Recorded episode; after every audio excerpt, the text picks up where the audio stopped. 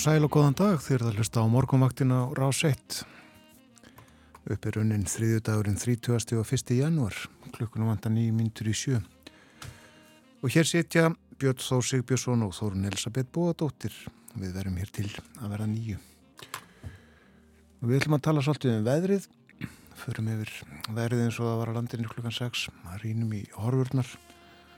Og uh, svo reynum við að tuga hvað hvort eitthvað gerðist í þessu óveðri. En klukkan 6 í morgun voru 10 metrar á sekundu í Reykjavík 17 í mestu kviðu Lísa norðan einstigsfrost og eins veður á Kvaneri svipað í stikkisvolmi allskíja þar allskíja líka í Reykjavík. Raunar 12 metrar norðaustan í hólminum og fór í 21 metra í mestu kviðu. Steg á frost á aðtöðanastöðunum á vestfjörðum, Patrísfjörði og Bólingavík 12 metrar á Patró og 18 metrar í mestu kviðu, 16 í Bólingavík, 26 metrar þar í mestu kviðu. 15 metrar á Holmavík, einstigsfrost. Einstigsfrost á Blönduósi, norðustan 13, fór í 24 18 metrar stöðugir á söðunarsvita og 26 í mestu kviðinu tvekja stegafrost tvekja stegafrost á Akureyri þar snjóaði klukkan 6 og heldur skapleira að öru leiti 4 metrar á sekundu en sló í 14 tvekja stegafrost á Húsavík 10 metrar. Þryggja stegafrost á Rauvarhöfn 11 metrar þar og fór í 19 og tvekja steg af frost á skjaltingstöðum 11 metrar á sekundu kvassara í kviðum. Einstigs frost á eilstöðum norðan 8 13 metrar í mestu kviðinu þar. Einstigs hiti eins og að bæði á höfni hornafyrði og kvískerum 13 og 14 metrar á sekundu klukkan 6 og uh, rétt undir 20 metrum í mestu kviðunum. Hiti við frostmark á kirkibæðaklaustri 19 metrar þar, 27 metrar í mestu kviðu. Og fjörastega hitti á Stórhauða, 8 metrar á sekundu. Einstigs frost í Árnesi, 18 metrar þar, 27 í mestu kviðinni. Svona voru aðstæðunar í landinu fyrir 50 mínútum. Já, og eh, enn eru í gildi eh, við varanir og lítum til þess hvernig veðrið verður í dag Það verða norðaustan 15 til 25 metrar á sekundu með morninum, kvassast á Suðaustulandi. Það dregur síðan úr vindi og maður gera ráð fyrir 5 til 15 metrum á sekundu setnipartin. Víða jél en úrkomu lítið suðvestan til. Og frost í dag 0 til 8 stig. Á morgun verður svo austlæg átt eh, og dálítil jél, hægur vindur 3 til 10 metrar á sekundu þurft að kalla á Suður og Vesturlandi en það bætir aftur í vind annað kvöld. Ó. og uh, gengur svo í austan kvassviðri eða storm með snjókomu á femtudag en það hlínar sunnan til eftir hátíð með regningu eða slittu á lálendi og uh, enn á femtudag sannsagt uh, þá hægir á og kólnar aftur. Og svona verður þetta. Það er aftur gengur í stífa norðvestan og vestanátt á förstudag með snjókomi viða og svona verður þetta. En uh, förum ekki fram úr okkur. Við erum enn með hugan við veðrið eins og það er og verður í dag og færðin þetta hefur allt saman áhrif á færðina. Og uh, það hefur verið töluvert um lokanir á vegum en um, meðal annars var, var uh, lokað um ymsa vegi um tíma í nótt en nú er staðan þannig samkvæmt, uh, samkvæmt uh, tilkynningu frá vegagerðinni að það eru hálkublettir, hálkakrapi eða snjóþekja á flestum leiðum á Suðvesturlandi. Um, Mósfellsheiði, vegurunum Mósfellsheiði er lokaður og óvissustig í gildi til klukka nýju. Krísuvíkuvegur er lokaður. Það er mjög kvast á kjalarnessi og varað við sandfóki. Búður að opna eh, hellisheiðina og sömu leiðis þrengslinn. Bara gert fyrir skömmu síðan. Og uh, á Vesturlandi hálka hálkublettir eða snjóþekja víðast hvar, mjög kvast víða og ófært á útnesvegi. Þá er ófært um fróðárheiði, um Svínadal, vegurinnum Bröttubrekku er ófær og við færum okkur á vestfyrði þröskuldar Klettsháls Kleifaheiði, Háldán Dinjandisheiði, Gemlufalsheiði Stengrimsfjörðarheiði eh, þarna er ófært á öllum þessum stöðum. Öksnandalsheðin líka lokuð og beðið með mókstur þar eh, vonu upplýsingu klukkan tíu eh, Víkurskarðið er ófært og ófært líka á norðausturlandi Möðrudalsörafinn Hóvaskarð, Mýrvarsörafi og Vatnafjörðarheiði. Já, og svo má bæta því við að það er þungfært um tjörnes og líka ófært í almenningum. Við fylgjumst með þessu, þetta getur breyst með stuttu, stuttum fyrirvara eh, og verið að kanna ástandið og móka þar sem hægt er. Og það renna ár gildi er það ekki kl. 9 og 10 þessar eh, appilsínugulu viðvaranir fyrir Östurland og Suðurland og fyrr vestur á fjörðum. Jú, um, og þá taka við gular viðvaranir aftur sumstaðar um, finn, uh, hún rennur úr gildi núna klokkan 7 á vestfjörðum þessi appi sinu gula en þá tekur við gulviðvörun á ný til klokkan 10 og uh, sömu sögu að segja Suðausturlandi þá tekur gulviðvörun aftur við af uh, þeirri appi sinu gulu Við metum svona veður með ólíkum hætti eh, lítum það mísjöfnum augun getur við sagt. Veðurfræðingar eh, horfa þetta öðruvísi en við flest hinn Unnur Ólarsdóttir veðurfræðingur byrti í gerð mynd á Facebook af uh, læðinni sem sagt sem kom hér að í gerð af veðurspákorti og skrifaði fögur en varasum ég kunna að sjá fegurina í læðunum Já. En við töðum þetta sem eru. Það er kunnaði verið að vara samar Við uh, forvittnumst meira um veðrið síðar í þettinum við ætlum að ringja þánga sem það hefur verið svona einna verst. En uh, það er ímislegt annað á dagskrá hjá okkur líka Fastir liðir Þórður Snar Júliusson kemur til okkar rittstjóru heimildarinnar ræður um efna á samfélag og Artúr Björgum Bollarsson verður með okkur frá Berlín. Og nefnum það fyrir fólk sem var að vakna og fylgist ekki með fréttunum í gerðkvöldi að verkvall eblingar á sju hótelum í Reykjavík var samþygt að hvaða greiðslinni lög í gerð og talningu og verkvall hefst eftir viku. En framöndan eru fréttinnar hjá okkur eftir þær fyrir ítalega við dasgráð þáttarins.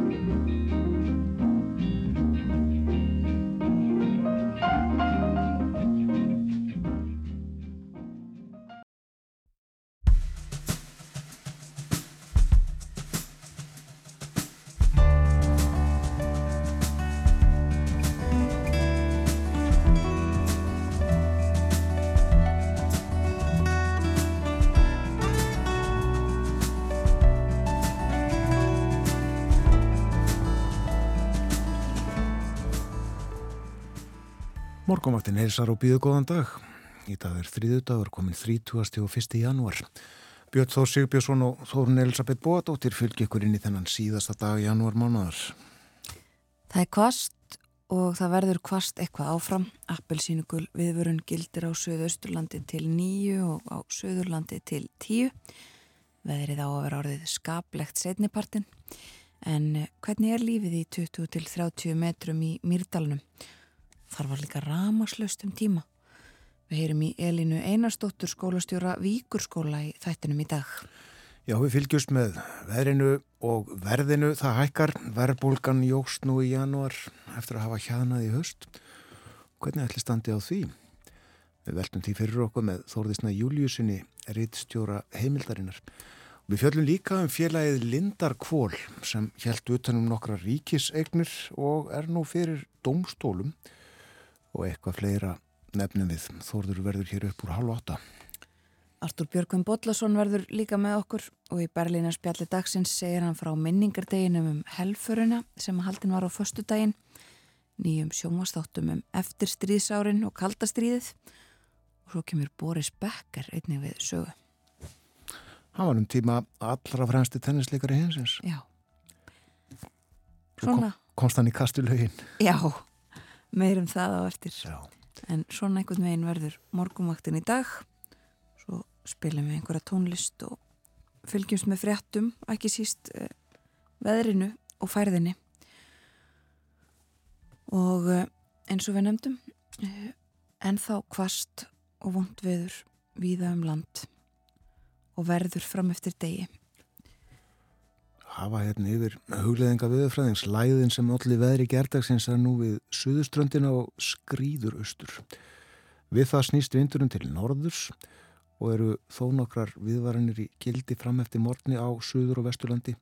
En það dregur úr vindinum þegar líður á daginn og setnipartin eh, þá verður norðaustan átt 5-15 metrar. Víða jél en úrkomi lítið suðvestan til.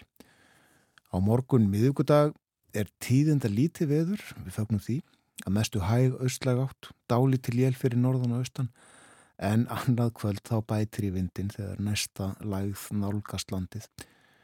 Og á fymtudag lítur út fyrir austan kvassviðri eða storm og þá verður úrkoma víða um land eins og þetta lítur út núna. Ef að líta aðeins á uh, umferðina hvernig hún gengur fyrir sér núna. Uh, það er, má vel að segja það eru uh, viðvaranir frá vegagerðinni í flestum landslutum um það að það séu hálka, hálkublettir snjóþekja uh, á flestum eða einhverjum vegum og sumstaðar krapi og sumstaðar þæfingur. En um, svo er það veginnir sem eru lokaðir Krísuvíkuvegur er lokaður um, sömuleiðis Mósfellsheiði en búið er að opna uh, bæði Hellisheiði og Þrengsli og svo er vara við því á Suðvesturlandi líka að það er mjög kvast á Kjalanesi og vara við Sandfóki Það er ófært á útnesvegi, ófært um eh, Svínadal, Bröttubrekku og Fróðárheiði á Vesturlandi. Færum okkur til Vestfjörða, Kleifaheiði, Dinjandisheiði, Klettsháls, Gemlufalsheiði, Háldán, Stengrimsfjörðarheiði og Þröskuldar, allir þessir vegir ófærir, óvissustíði gildi og uh, það er unnið að mókstri á Háldáni. Á Norðurlandi ófært í almenningum um Víkurskarð og vegurinn um Öksnadalsheiði er líka lokaður og það er beðið með mókstur þar vegna veðurs. Á Norðausturlandi þungfært um Tjörnes og svo eru vegir um Hófaskarð, Mývasöræði við Vopnafjörðarheiði og Möðrudalsöræði þetta, já, þetta er allt uh, lokaður vegir. Vegurinn um Fagradal er ófær á Austurlandi uh, en unnið á mókstri fjardarheiði er lókuð og ófært er á melli hafnar og áltafjarðar. Svo lokað á melli víkur og jökulsárlóns, ófært melli já, jökulsárlóns og hafnar og svo er það Lingdalsheiði á Suðurlandi sem líka er lókuð. Þetta eru þær lokanir á vegum sem að tilkynntir sérstaklega um á vegagerðarinnar og það var orðið einhver röskun á fluginu. Já, fór ekki af stað nokkra flugvilar æslandir frá bandaríkjunum í gær en aðurleiti sínist mér bara þetta verið í lægi svona mestu leiti allavega. Já. Nú götu Reykjavíkur það sem ég fór um á leið til vinni í morgun hafði uh, verið ruttar en talsvert eftir sjálfsagt. Já. það eru margar götunar í Reykjavík og öðrum uh, sveitafélagum þetta tekur sinn tíma. Ekkit sérstakt að vera gangandi í dag en uh, það er mitt uh, stóreflis snjómokslustæki á fórstíðu morgunbladsins þar sem að í tilturlega stuttumála er fjallaðum óveðrið. Vegir víðalokaður og björgunarsveitir önnum kamnar segir hérna. En uh, fréttin, stóra fréttin á fórstíðu morgunbladsins af uh, þessari verkvals samþygt hjá eblingu 66% atkvaða bara tóku þátt í atkvaða greiðslinni og uh, 66% þeirra þannig bil sögðu já 30% nei. Og uh, þau atkvæði sem að þar munar þau voru hlutlus og það er rætt við Haldur Benjamin Þorbergsson framkvæmtastjóra samtaka atvinnulífsins á fórsíðu morgunblæðsins og hann saði í samtal við blæðið að úslitin hlitu að vera mikið reyðarslag fyrir fórustu eblingar þar sem þriðji hver greiti atkvæði gegn verkvælsbúðun en Solveig Anna Jónsdóttir formaður eblingar, hún hvaðast hins vegar hæst ána með niður stöðuna og uh, segir uh, inni í blæðinu Við erum stolt af okkar vinnu og erum gríðarlega stolt af okkar hugrökku félögum sem þrátt fyrir algjörlega óbóðlegar, fordamalösar, glæpsamlegar aðfarir gáttu samt komist að þessari hugrökku niðurstuðu og staðið með sjálfum sér og baráttunni fyrir betri kjörum. Og þetta verkvall ásast að hefjast á sjö hótelum í Reykjavík á þrýðu daginn næstu viku. En uh, áður en það gerist, förstu daginn, komandi að uh, þá verður tekið fyrir í hérastómi Reykjavíkur þessi heitir ekki bara krafa uh, ríkisáttasemera um að fá félagatal eblingar til að geta hafið atkvaða greiðslu um miðlunatiluguna sem hann kynnti nú á dögunum. Já, var, uh, um, já málið hafið fyrir dómi í, í gær og geti komið niðurstaða. Þess að fengu frest fram á förstu dag til að skila greinagerð uh, þessir deilu aðilar. En svo er líka uh, búið að leggja fram stjórnsýslu kæru Akkurat Ebling gerði það vegna framgöngu ríkisáttasemjara uh, Já svo kemur frettablaði líka út. Já og á fórsíðu þess mynd sem að tekið var í gær setnipartin líklega í Reykjavík þegar tók að snjóa. Var bílur, blindbílur jafnvel um tíma. Og uh, þá má sjá fólk ganga upp uh, bankastræti Reykjavík bakarabrekkuna svona gegnum gegnum jélin. Ja, falli mynd. Og uh, svo segir hér í fyrirsögn á stórufréttinni Ísland eftirbátur í hafvernd.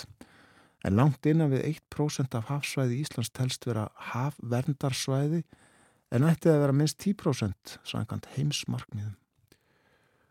Og uh, það er rætt hér við Hörð Sigur Bjarnarsson, hann er uh, stofnandi kvalaskoðuna fyrirtækisins Norðursiklingar á Húsavík og uh, vísað í grein eftir hann sem byrtist í blæðinu í dag og uh, hann lýsir áökjum að þessu að stjórnvöld hafi ekki staðið sér betur í að vernda hafið um hverjuslandið. Þetta er svona það helsta á forsýðum bladana. Já, heyriðt lag.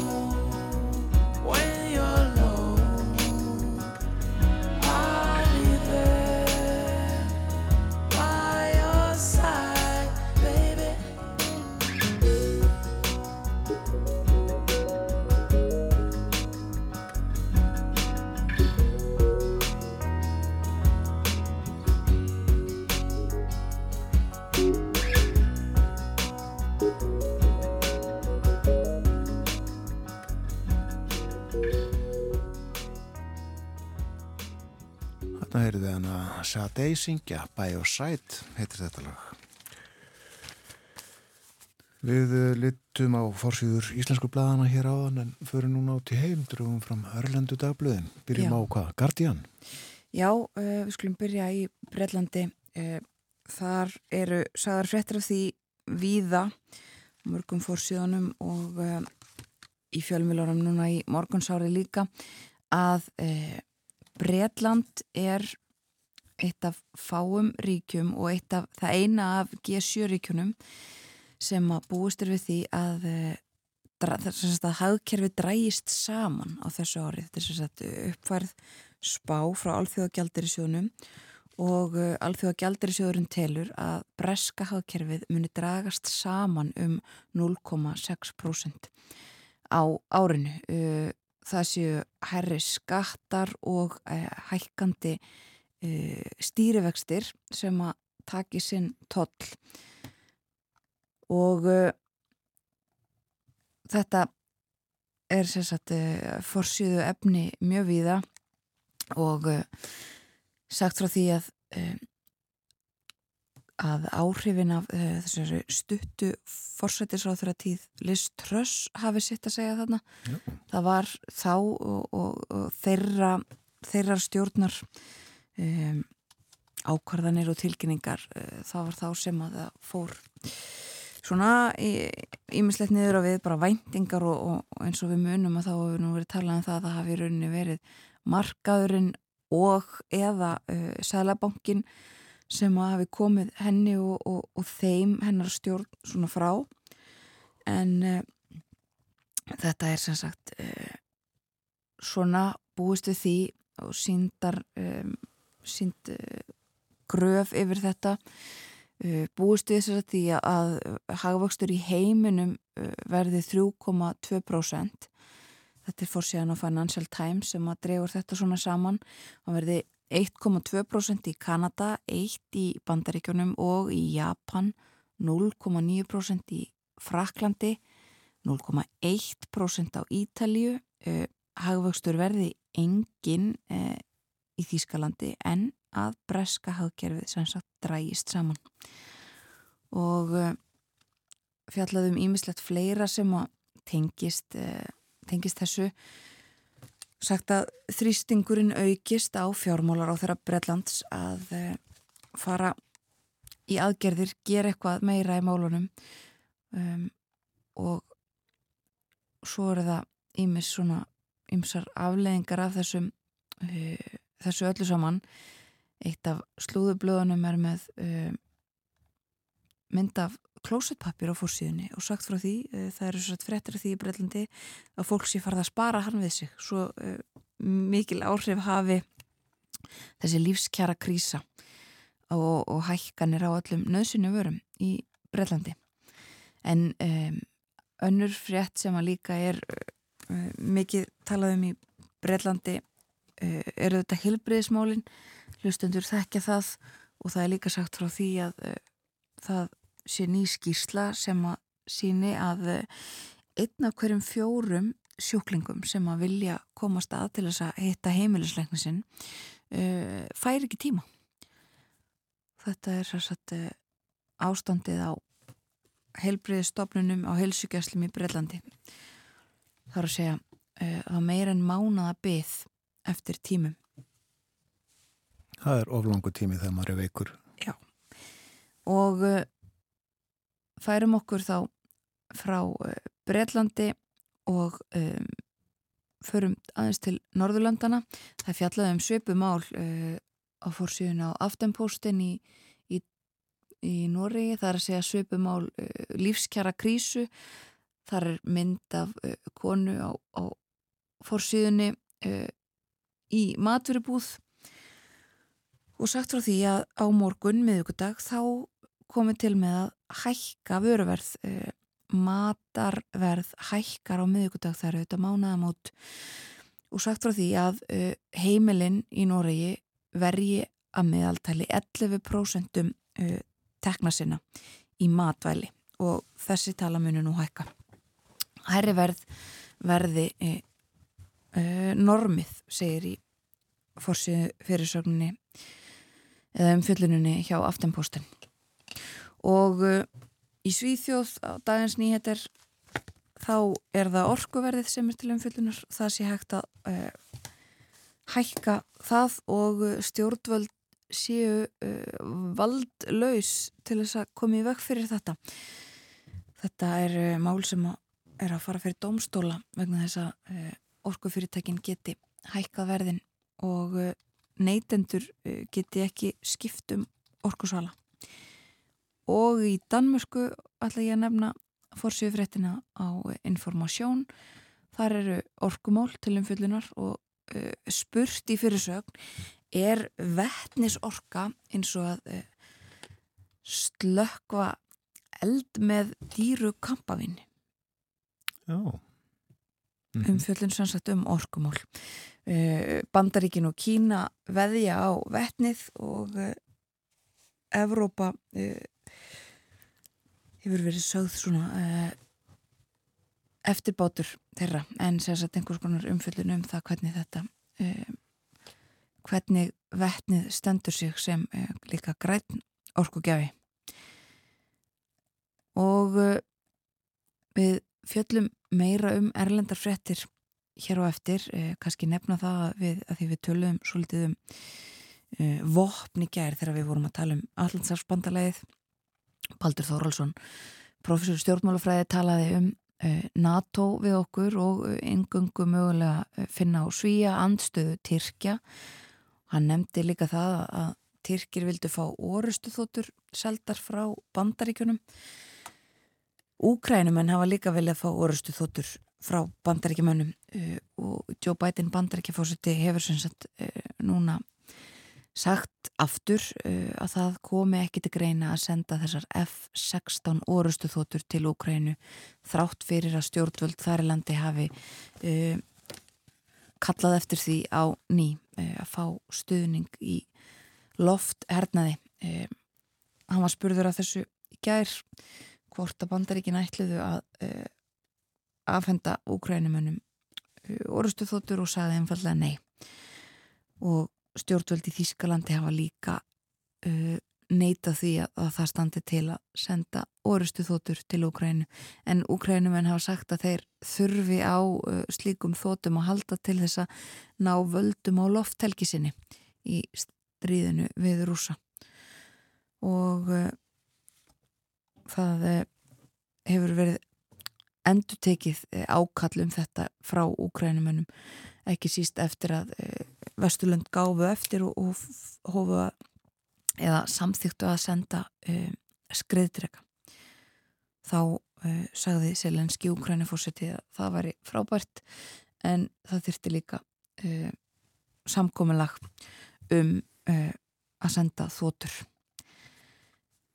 og Ólaf Sjólds kanslar Þískaland sem sagt líka teki fyrir þetta. En Emmanuel Macron fraklandsfórseti eins og segir að ekkert sé útlokkað þegar það kemur að því að stiðja við Úkrænu en það eigi ekki að íta undir eða, eða, eða blása í einhverjar glæður. Ekki að uh, þessara ríkja að íta stríðinu upp á eitthvað annað, annað stig Hún nefnum þá að uh, það er alveg að verða eitt ár síðan að hernaðurinn hófst Já. rúsar réðust á Úkrænum en 20. á 4. februar á síðast ári einmitt og hafðu þá sapnað upp herliði við landamærin í einhver tíma, það hefði verið svona rætt um það en, uh, en það var ekkit ekki, voru ekkit allir til í að taka það trúanlegt þegar að bandaríkja menn einmitt sögðu að þetta gæti verið yfirvóðandi þannig ekkert um hann um meðan februar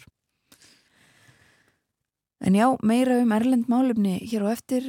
Artur Björgum Bóllarsson verði með okkur frá Þýskalandi eftir morgunfréttinnar klokkan átta. En eh, við förum bráðum að hleypa frettastofunni að. Heyrum leiklega nýjustu tíðandi af veðrinu þegar að fretta yfirlitið fyrir loftið eftir uh, tvær og halva mínútu og uh, að því loknu þá ætlum við að tala um já, tengt mál og við vorum að nefna úr erlendu blöðunum við ætlum að tala um verðbólguna hér á Íslandi hún uh, er tölu verð og hjaðnaði ekki í janúar eins og vill oft verða þegar það eru útsölur út um allt. Þóruðsnær Júliusson verði með okkur hér á eftir.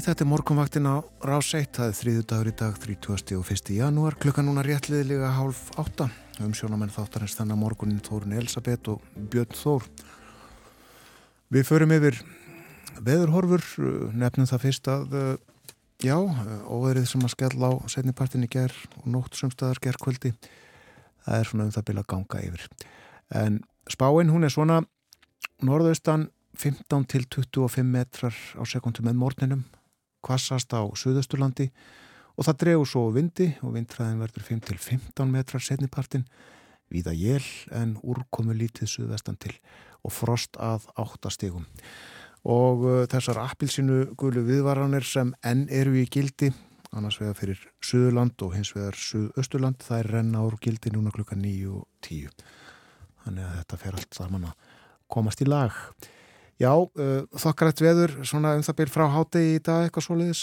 en uh, svo hversir aftur annað kvöld. Já, skamt stóru höggamilli en þannig hefur það svo sem verið eða síðustu vikuna líka. Já, það er kannski rétt að fara yfir ástandið á vegunum skeitin frá vegagerðinni víða ófært. Það er víða ófært, við skulum uh, uppfæra síðuna og til að fara vissum að hafa réttar upplýsingar.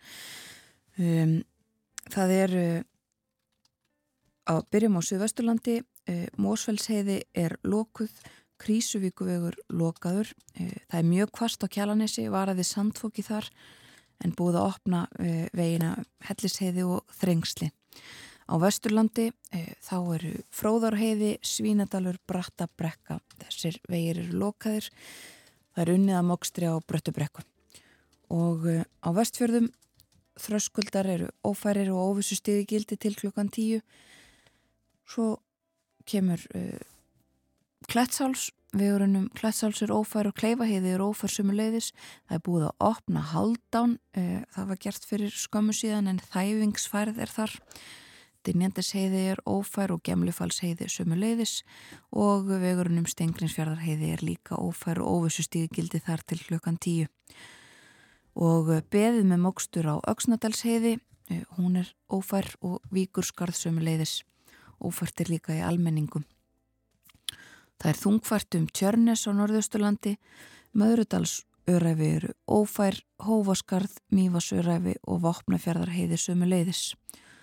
Og eh, fjörðarheiði er lokuð á austurlandi, unnið að mokstri og búið að opna veginum Fagradal.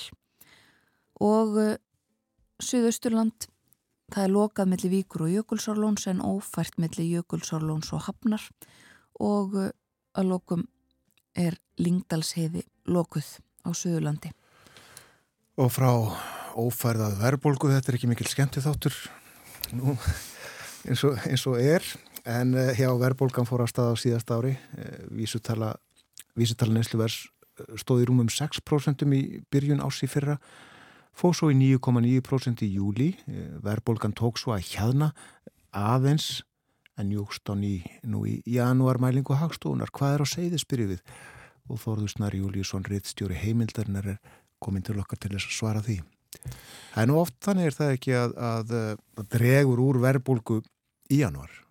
Jú, og það rætur sínir að reykja í e, útsölum. E, það er að segja verð á fatnaði og e, húsgögnum og ráftækjum ríka tilhengu til þess að að lækka í, í, í januar eftir að fólk er búið að hérna, að kaupa mikið af þessum vörum í aðdraðanda hátíðana til þess að gefa ekki af þér og hérna og, og svo er afgangurinn seldur á, á, á niðursettu verði í, í januar í lægðunum í januar uh, og þannig er líka núna uh, lækkun á, á þessum flokkum sem ég var að nefna. En á móti uh, hækkuðu mörg ofnbergjöld uh, annað sem líka lækkaði sem er svona líka ástæðabönd sveiflar er hérna flugfargjöld. Þau eru tölu dóttirari núna í janúar en þau voru í mánunum öndan uh, en á móti eins og ég segi hækkuðu ímis ofnbergjöld og það er aflegging af uh, annars vegar fjörlafröðofinu þar sem ímis gjöld á bifriðar voru hækkar sem skiluðu sér í umtalsveri hækkun á, á, á, á smásvölu verið bifræða og svo ymsi hlutir eins og áfengis tópaskjöld uh, og annars lít. Matvara hækkaði umtalsvert uh, á milli mána og þar er aðal ástæðan hækkun á uh, mjölk vegna ákvörnunar verðlarsnendar mjölkuvara um það að hækka verð á mjölk.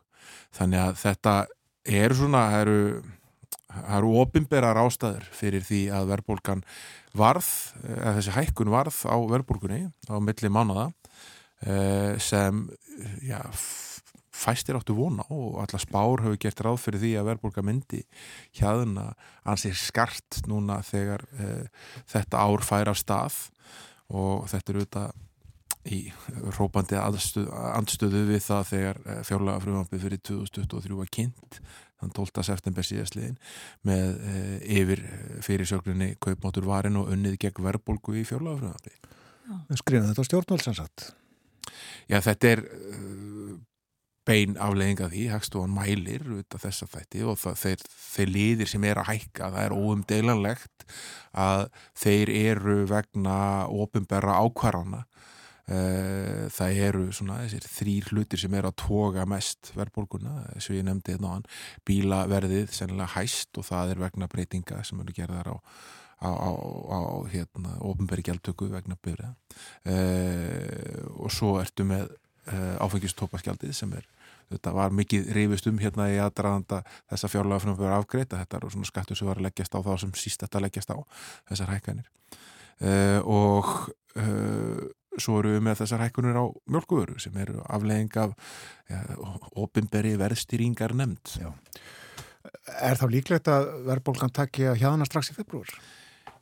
Já, uh, það er sennilegt að hún gerir það uh, þessar hækkanur nú góna fram og uh, gera það ekki aftur um næstu mánuðamót þannig að það er sennilegt ef að ekkit ófyrir sé gerir sem við skulum sannarlega ekki útlöka að, hérna, að hún fara hérna en hún er að hérna hægar en spárgjörur áfyrir og hérna svona til þess að vera í takti við kynninguna hérna, hérna og, og, og, og svona, svona þeir dökka yfirlitt þá hérna sá ég eh, Konar Guðarsson efnaðsrákja samtaka aðtunlýsins segja það á, á, samfélagsmiðlum í gæri að, að skuldabræðamarkaðir var að verleggja eh, ásnökkurunum sem er þannig svona að þeir var að búast við að mista kosti 1% stýrvægstækun á þessu ári.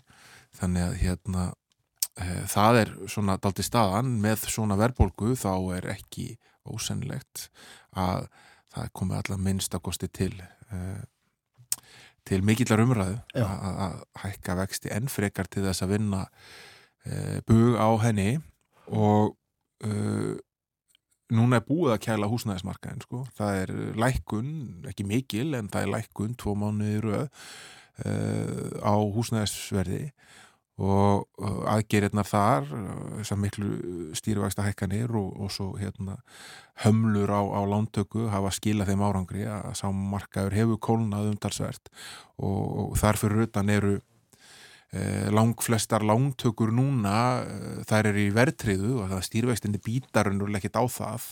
Þar að segja hérna, hækkun og stýrivöxtum gerir, það, gerir ekkert uh, gagn svona núna gagvar mm. því fólki að þetta hækkar verbætunar sem leggjast á getur hækkar hérna, svona ver, verbókan hækkar verbætunar sem leggst á, á höfustórlána þegar það stakka verð til lán. En hérna en það býtur ekki með sama hætti eins og hjá þeim sem veru með óætrið þannig að þetta er svona daldi staðan.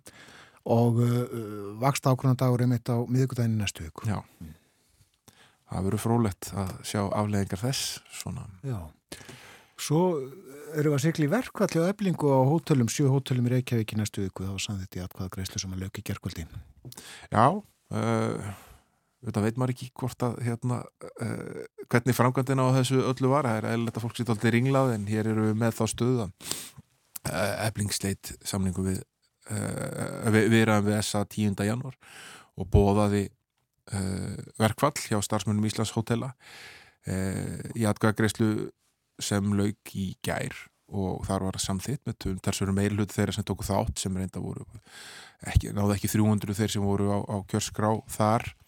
Uh, 66% atkvæði mann rétt sem, sem hérna, greitir atkvæða sem uh, kursu með verkvalli og uh, þá hefist í næstu hugu 7. februar. Ótímabundið. Ótímabundið eh, og eh, það sem var svona kannski aðeinsvært í yfirlýsingu eblingar í gæri er að, að þau spóðuð frekar í tíðindi í dag Já. að mögulega fleiri verkfalls aðgerum, það hefur verið greint frá því að þeir hafa verið að eblingu hefur verið í, í, í viðræðum eh, við hafnaverkamenn og þá sem vinna á óljudreifingarbílum þannig að það hefur svona verið eh, í að því að þar getur mögulega verið eitthvað tíðenda vænta Einmitt, eh, bílstjórar, oljudreyfingur og skelljum stemtur hér í frétta fórsíu morgunblæsins í dag. Já, og uh, en svo auðvitað, verður maður daldið að sjá hvað framvindur það eru uh, komið fram miðluna til það frá Ríkisótt Samira sem uh, gerir ráð fyrir því að allir eblingar félagsmenn eblingar fá að kjósa um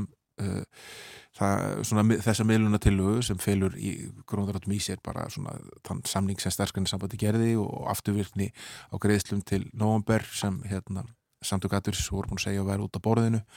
Og uh, það er mjög erfitt að sjá uh, að hérna uh, að það sé hægt að fella þá miðlunum til svona með hvernig lögin eru vegna þess að það þarf svo stór hluti félagsmanna að taka þátt og fella miðlunatilvöuna til þess að, að það taki gildi, það er bara innbyggt í lögin að fjóruðungur, aðkvæða bara manna ef mann rétt er mhm. hérna þarf að fella miðlunatilvöuna og það er bara 70.000 manns og það er með við þáttöku í í kostningum hjá hérna, stéttafélugum á undarfötnum árum. Eh, er það ja, verulega ósennilegt að kostninga að þáttakan verði svo mikil? Já. þannig að hérna, nú það stáli stál og það eru hérna, stjórnsísukjærur og það er verið að taka ne, ne, ebling neytar að skila félagatalinu sinu og það er komið fyrir domstóla og, og, og, og svo endar þetta einhvern veginn. Það er, bara, það er alltaf þannig. Og framfylgjustu með Við ætlum að tala um líka uh, annað sem hefur verið í frettum við hefum nú einhvern veginn rætt þetta uh, félag sem að nefnist Lindarkvöld. Já, félag sem að stopna held í 2016 átti að fara með og selja fyrirtæki eða hluti í fyrirtækjum sem að ríkið egnaðist í uppgjöri á skuldum í kjölfar hrunsins. Verkefni félagsins lög 2018 en þó ekki betur en svo að það eða allavega tiltekin gjörningur félagsins er fyrir domstólum. Sko, í lýsingu á heimasíðu Lindarpóls segir að við umsýslu, fullnustu og sölu eigna muni félagi leggja áherslu á gagsægi, hlutlegni, jabræði og hagkvæmni. Það var ekki svo. Um hvað snýst þetta máli eiginlega? Uh, já, þetta snýst um það, eins og þú bendir réttilega á að Lindargóll var uh, félag sem var sett að fót til þess að selja en að svo kvöldu stöðuleika eignir á mjög skömmum tíma. Við erum sér setja svona sólasákvæðin í lög um starfsemi Lindagóls þannig að hérna, búin til innbyður kvatum það að gera þetta hratt. Uh, og hérna og þetta er þessar sölur er þessi stað hérna á orðum 2016-2018 um, og fyrirkomulagi hefur verið gaggrínt uh, umtalsvert að hérna hvernig þetta var svona sett upp og, og hérna þetta verið meira gagsægi og Lindakól, þeir sem stóða að Lindakóla á, á móti sagt bara hér, var mér að minna það veist, sett í og, og hérna opið söluferli og ríkisendskoðin er búin að taka þetta út og skila þeir niðurstöðu alltaf verið svona meir og minni í lægi og, og svo hefur fyrirvændi ríkisendskoðandi sem var falið að skoða þetta um tíma eh, hann gerði greinagerð sem hefur ekki verið gerð ofinber og er núna deilumálin að fósættisnemdar alþingis þar sem fósætti alþingis hefur ekki viljað eh, byrtana eh, á meðan aðrir meðlimir fósættis nefndar hafa margir hverjir uh, þrýst á það. Uh, en þetta mál sem er fyrir dómstólun núna snýstu um það að uh, það er félag sem heitir Friggust 2 sem bauð í eign sem Lindakól var að selja. Og Friggust 2 er félag sem er í eigu þeirra sem um, stýrðu hérna einu svona exista. Eh, því stóra fjárstykafélagi og áttu ráðandi hlut hérna í kaup, ja, stóran hlut í Kaupþingbanka af fleiri, þetta eru Sigur Valdísson sem var einn fórstjóri exista, annar fórstjóri exista og, og hérna svo bræðunir Ágúst og Líður Guðmundsinnir sem eru þarna bak við og þeir buðu í uh, egg sem Lindakóll held á hluta 18% eða mann rétt í, í félagi sem heit Klakki og Klakki er gamla exista það er að þeir eru að bjóða í gamla félagi sem þeir mistu eftir runið, það er hlut í gamla félagi sem þeir mistu eftir runið sem var komið í fang Lindarkóls sem hlut af stöðuleika eignun uh, og eign, uh, stóra eign uh, klakka á þessum tíma var uh, lýsing eignalegu fyrirtæki sem Já. er eftirleitt skilt á, á markaði og, hérna, og þeir bjóða frikust tveir Uh, og á móti þeim er, er, er, er útlenskur vonasjóður sem hérna, fór mikinn hér á Íslandi sem heit Burlington Loan Management. Og hérna uh, var á meðal svona um tíma stærstu krögu að hafa föllum íslensku bankara og, og, og, og Burlington fær að kaupa um, Friggus ekki uh, og Friggus hafa verið alla tíð síðan verulega óanæðar með þá niðurstuðu og talið að, að ekki hafi verið Uh, rétt staðið að þessari sölu uh, að, það, hérna, að þeir hafa verið meina tilbúð þrátt fyrir að voru ekki með hæsta tilbúið þá hafa verið meina tilbúið sem var ekki myndið fyrirvörum og svo framvegs og þetta mál svona til að gera langa sögustutta hefur undið upp á sig og er núna fyrir domstólum þar sem er, eh, já svona, er mikið síning í gangi, marg, mörg vitni að koma og, hérna, og þétt settin salur og, og, og margir að fylgjast með uh, framvindunni og uh, þar eru ímislegt komið í ljós, meðal hans kom Sigur Þórasson fyrirhandi ríkisendurskoðandi sem gerði þessa greinagerð sem myndi sinna á hann, hann setti sér vitnastúku og greindi frá uh, sinni vinnu og það vakti aðtegli og, hérna, og hann að gera það í fyrsta sinn með þessum hætti á omböru vettvangi. Uh, og þar kom meðal annars fram að hann taldi að sko virði þessar hlutar hafi verið meira en það hafi verið selt á en hann hafði þess að vera ekki framkvæmt sjálfur einhvers konar verðmat á honum. Daldi flókið en, hérna, en þetta er svona það sem hann kom fram í hans máli.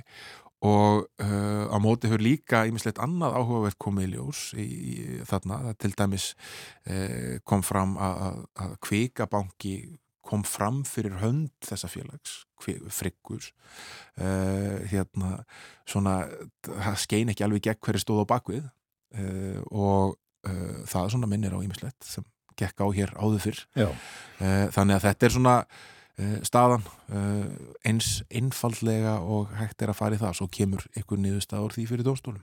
Hvað vilja þeir sem eiga frikus?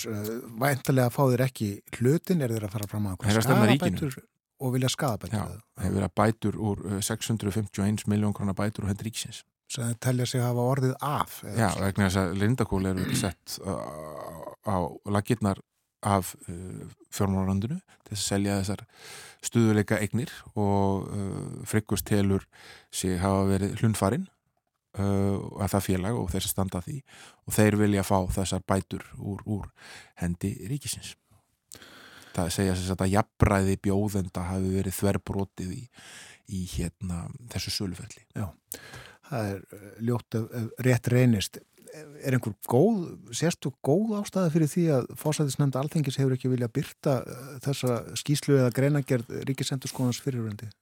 Eh, sko það likur fyrir að hérna að úrskurðnendum uppsíkamál hefur sagt að þess að það er afhendað þetta en það er svona það er verið að takast á um það hvort að það sé yfir höfu lögumætt að gera það Uh, og þetta er svona þetta er mjög furðuleg afgreysla sem er eiga sér stað þarna svo það sé sagt vegna þess að það virðist vera meirulhuti innan fósetsnefndar og hann er ekki bara hann fer ekki eftir sko stjórnar meiri og minni hluta heldur er, er hluti af, af, af þeim sem tilheyra meirulhutanum og þingi og stjórnameirulhutanum sem eru fylgjandi því að byrta þetta.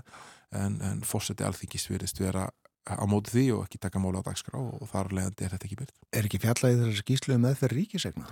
Jó, og svo, er, svo það sé líka sagt þá er þetta ekki endanleg, þetta er engin endanleg skýsla, þetta er greinagerð uh, Sigur Þórusson var ráðinn vegna þess að þáverandi ríkisendurskoðandi var vanhæfur uh, sögum þess að bróðir hans var í stjórn Lindakóls, þetta er mjög íslenskt Uh, og þá er fyrirverandi ríkisendurskóðandi fengið til þess að fara yfir þetta mál og hann var komin á vel og veg með það búin að gera eitthvað skona greinagerð þegar það er skipt um ríkisendurskóðanda og skúlegið Þorðarsson tók við sér ríkisendurskóðan og þá er ekki vanhafið lengur til staðar. Þannig að ríkisendurskóðan tekur aftur yfir verkefnið. Já, já. Uh, þannig að þetta er ekki svona, segja, þetta er ekki full unnin vara. Já, þannig að hérna, það er auðvitað svona álita mál í kringum þetta. En, en, en uh, þetta stendur þarna að fósettu alþingis hefur allavega að segja aðrir svona á þingið að hann bara einhvern veginn neitt að taka þetta mál á dagskrá eða afgreða það. Og, og hann svona eins og honum einulagið er hérna e, með miklar orða, orðalengingar og það að það þurfa að vandað vel til verka og, og skoða þetta mál fyrir öllum hliðum og,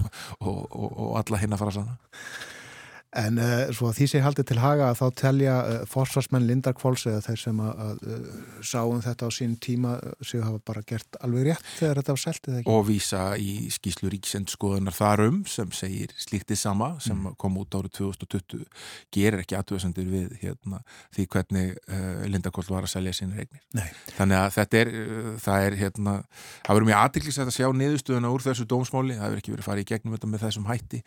Það líka líka í dómsmálunu er lögmaður Íslenska ríkisins Steinar Þók Ukkísson er, er hérna sá sem stýrir Lindakóli þannig að það er hérna sennilega fáir ef ykkur sem þekkja Lindakól uh, jafn vel og hann. Uh, og þetta er óvölinlega rástöðun uh, en hérna það verður að koma í ljós þegar niðurstaða dómstóla likur fyrir hverju framvindur. Hér í blá lokin á fjallaði gæri fréttum um fyrirtæki félag sem heitir Indo er þetta, nýr banki eða er þetta sparisjóður? Sparisjóður er spar... Það er eitthvað munur á semst banka og sparisjóður? Já, já, já. Uh, bankar eru með viðþörmari mun viðþörmari starfsemi, flóknari starfsemi þetta er hérna, sparisjóður sem leggur upp á það að vera ekki með þjónustugjöld og, hérna, á að uh, spara fólki þau og, hérna, og, og það að vera uh, munskapleira að nota til dæmis kort frá Indo Erlendis, ekki borga gjöld eh, fyrir eh, þá þjónustu og lítil yfirbygging uh, sem á að spara verulega í öllum kostnaði, þetta er bara ekki á, á, á lítil skrifstofu fyrir Óhan Bræðunir Rónsson og hérna uh, og já, á svona að vera allt bara doldið einfaldara þetta eru auðvitað fyrst og síðast núna bara debitkortarreikningu, við erum með launareikningi innan og slíkt en, en mér syndist þau eru komið þegar með um 7000 manns e, þrátt, og, og, og það hérna þrátt fyrir að þessi bara að opna fyrir alla núna er búin að vera svona einhverjar, e, búin að hægt að vera svona tilröna viðskiptu vinnur í einhver tíma og það eru komin e, nú eru komin inn í þessi Apple Pay kerfi þannig að þetta er að vera með þetta að mista kosti Apple símum hérna þessi kort e, og þetta verður bara áhugavert að sjá hvort að þetta hrista þessu upp í lutónum Engin þjónustugjöldsaður? Já, það er upplegið hjá uh, Indo og stendur bara á heimásíðunni hjá þeim að hérna uh, fríar fæslur, betri vextir, ekkit bull. Einfaldari staðu fyrir penningana hérna það er hérna það fæslugjöld það er, það er engi fæslugjöld, engi fæslugjöld.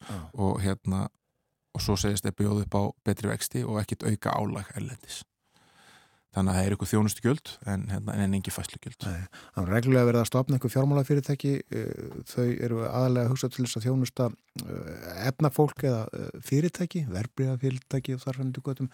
En það er langt síðan að einhver böð, böð mér að sjá um tekkarengin minn, eitthvað, nýtt fyrirtæki. Já, það verður bara aðtækisveit að sjá hvort að hérna, hvernig þessu eru tikið og hvort að þessi markaður fyrir svona og hvað áhrif þetta hafi inn á ísska nefndamarka. Ég held að fjármálaþjónusta ekki síður en uh, mjög margir aðrir svona fákeppnismarkaðir hér á Íslandi þurfi alveg vel á því að halda að láta hrista þessu upp í sig annarslæði eh, það er nú ekki eftir kannski miklu að sælast ég held ég sé ekki að tala með ofabörgum hætti með því að vera að færa sér mjög skart á milli fjármálafyrirtækja eða tringafyrirtækja eða ímissa annara um þessar myndir Sem það gott í dag, eh, Þorður, þú eru hérna hjá okkur aftur eftir viku, eh, þá, eh, þá er sólarhingur í að þau í Sælabankanum ákveði vakstastíði í landinu, við kannski spáum og speklurum í þeim málum þá.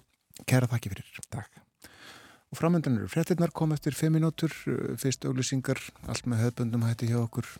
Eftir frettir hingjum við til Þýskalands, í Berlín er Artúr Björgvin Bodlason og hann ætlar að fjalla um ímislegt í dag, meðal annars um minningadaginn Á förstu dag eh, var minningadagurinn í Þýskalandi þessi árlegi um helförina. Tölum við það eh, líka nýja þýska sjónarserju eh, sem heitir Bonn og ég henni er fjallaðum kaldastrís árin og Boris Becker einni á dagskrá tennistjarnan gamla sem er nýslappinum fangilsi sveikundan skatti efum mannrétt. Þetta var fleira til framöndan á morgunvaktinni þennan þriðutags morgun.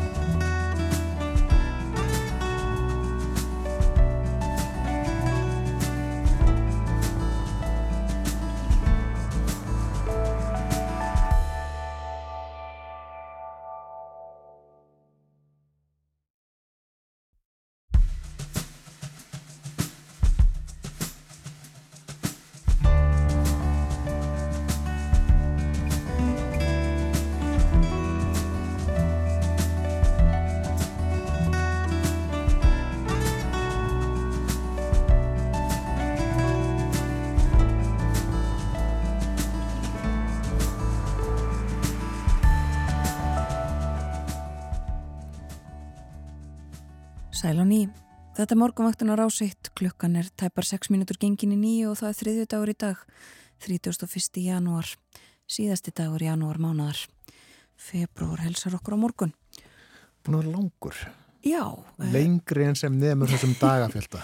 Já, uh, hann hefur verið það og helgast það ekki aðalega af því að fyrsti janúar var á sunnuti sem þýtti að uh, það voru engir frítagar sem tengdust áramótunum.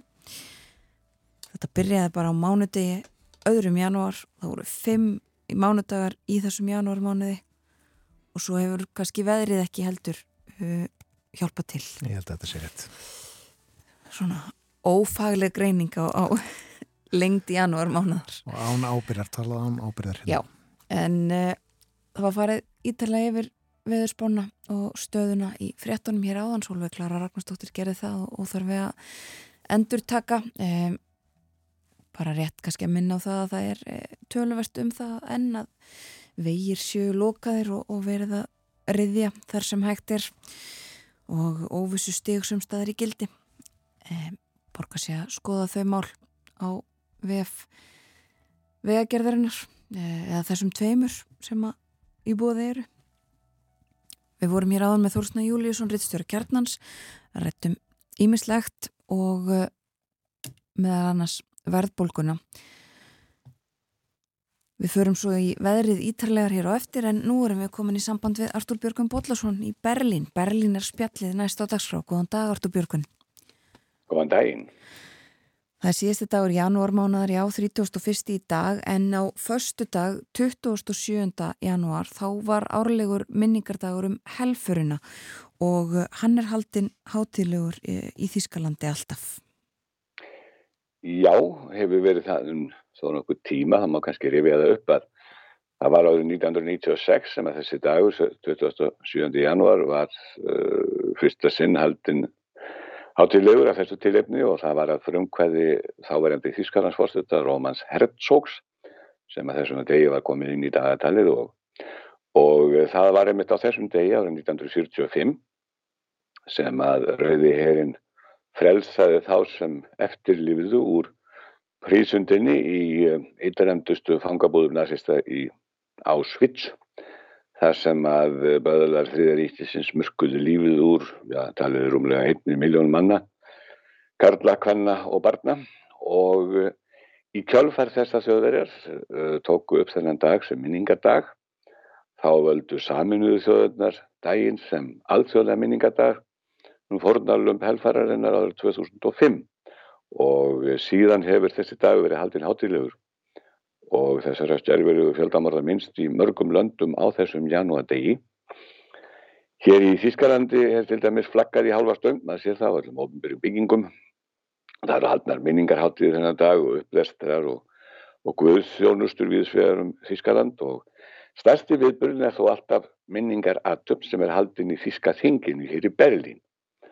Og uh, atöpnin í, við þessa atöpni í þinginu þá er alltaf leita til einhvers eða hefur til skamst tíma verið leitað til einhver sem að upplifði ofsóknir nazista uh, og var í þessum fangabúðum eða öðrum útrýmingabúðum til þess að flytja ræðum og uh, árið, til dæmis að, að árið 2011 þá var í fyrsta sem fengir fulltrúi Sinti og Róma sem áður fyrir voru að kallaði síkaunar uh, til þess að lítaræði en þeir voru mjög, voru mjög ofsóttir í Þýðaríkinu og, og 2014 þá talaði kvænirriðtöðundur sem heitir Ruth Kluger og hún lifiði ásvits af, um, hún talaði um hryllingi sem að konur eruðu að þóla og allt það ábyldi og alla þá viðustig sem að þær eruðu fyrir í fangabúðu næstist á sínum tíma á. Og þetta árið núna, þá voru örlög samkynn með það, homma og lesbía í brennedepli á þessum hátíðafundi í Þíska tinginu og það er nefnilega kannski hefur ekki farið mjög hátt en nazistar ofsóttu frá uppafi samkynn eða engarlega samkynn eða karlmenn. Þeir letu nú lesbískar konur meira í fríði en þeir ofsóttu að mikill hörku samkynn eða karlmenn. Því að samkvæmt skoðunum nazista þá voru þessir menn ekki bara hættulegir siðferðin í landinu vegna sinna kynniðar heldur líka rétt ræpir fyrir að skorast undan því að fjölga þjóðinni og, og búa til nýja hermenn í Þíska herin og einn af æðstu mönnum nazistaflokksins Ernst Röhm var til dæmi sjálfur hommið, það var nú ekki auðvilt fyrir það og samsíka það og fælla sig við það. En það var honum komið fyrir kattanni og hann tekið af lífi árið 1934 og eftir dauða hans þá má segja að ofsóknin gegn hommum hafi hafist fyrir alvöru og það er talið að 15.000 um hommar í það minnsta hefur verið drefnir í útrýmingabúðum nazista og, og það kannski og það kom nú fram í þessum ræðum á Þíska hringinu og er svolítið dabulegt að til skamst tíma hafa jú þessir hópar hommar og, og reyndarlega spíu líka þurft að eh, þóla einsar ákúrur og sitta undir einsum ákúrum bæði hér í Þískaland og viðar í álfunni því að það hefur tekið eh, svona törverðan tíma fyrir þjóðunar átt að segja því að það er engin ástæði til þess að vera að eh, ofsleika fólk sem að fyrir kynneið mm. þess og þetta ránglæti hefur ekki, þessu ránglæti hefur ekki lokið akkvæmt þessum hópum og, svo náttúrulega var það líka gert á þessum degi að því miður er ennverðið að ráðast á geyðinga hér í Þískalandi sem eru auðvitað skömm. Uh, hver einasti geyðingu sem verður fyrir árás er, eða hver einasta árás sem gerð er geyðinga í Þískalandi eftir þessum að undan en gengið er hreinræktu sjóðarskömm og það er alltaf brínt fyrir fólki að, að varast líka hópa verið á Varbergi þegar þessar ræður eru haldnar í þinginu og, og nú svona sýtum náttúrulega einn hópur á þinginu sem að í eru nýnasistar þar að segja.